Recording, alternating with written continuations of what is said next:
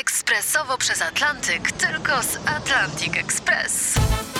Z nami wyślesz co chcesz, kiedy chcesz, do kogo chcesz i to o 40% taniej. W Atlantic Express wysyłamy wszystko. 1 800 775 7363. Mienie przesiedleńcze, kontenery, paczki do Europy.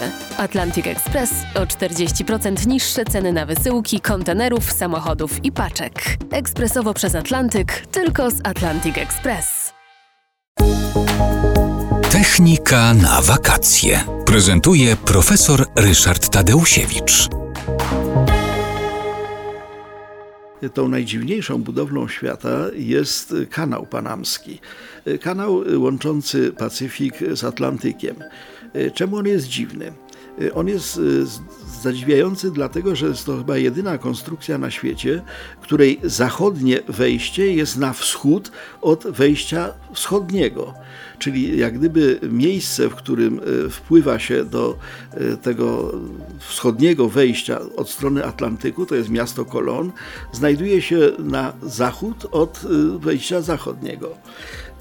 Ten kanał był bardzo potrzebny, dlatego że dwa olbrzymie oceany, Atlantyk i Pacyfik, były oddzielone od siebie kontynentem Ameryki Północnej i Ameryki Południowej, które trzeba było opływać dookoła, co bardzo zwiększało koszty.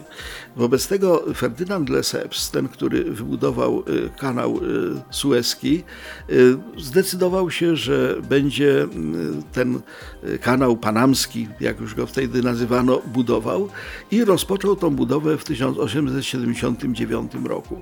Wydawało się, że będzie łatwo, dlatego że kanał panamski miał być trzy razy krótszy od kanału sueskiego, no i wobec tego ta budowa powinna się udać.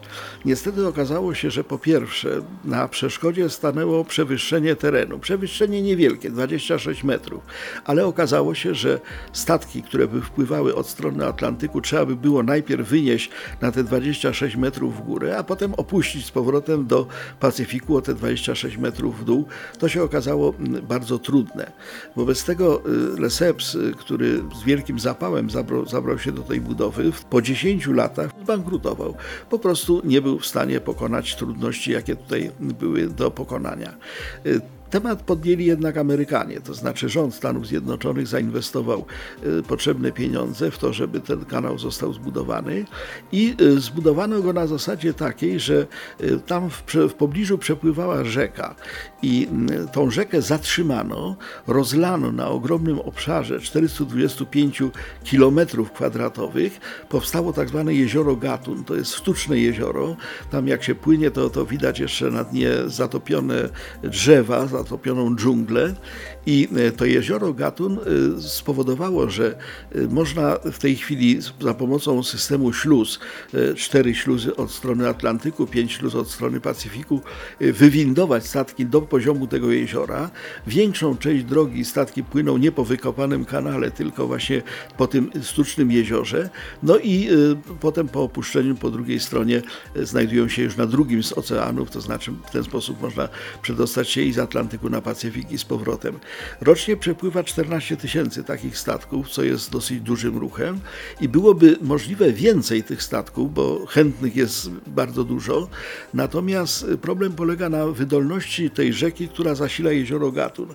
Z każdym podniesionym i opuszczonym statkiem wypuszcza się do oceanu pewną ilość wody, bo śluza polega na tym, że się napełnia pewien zbiornik, statek podpływa do góry, potem się tą wodę wypuszcza.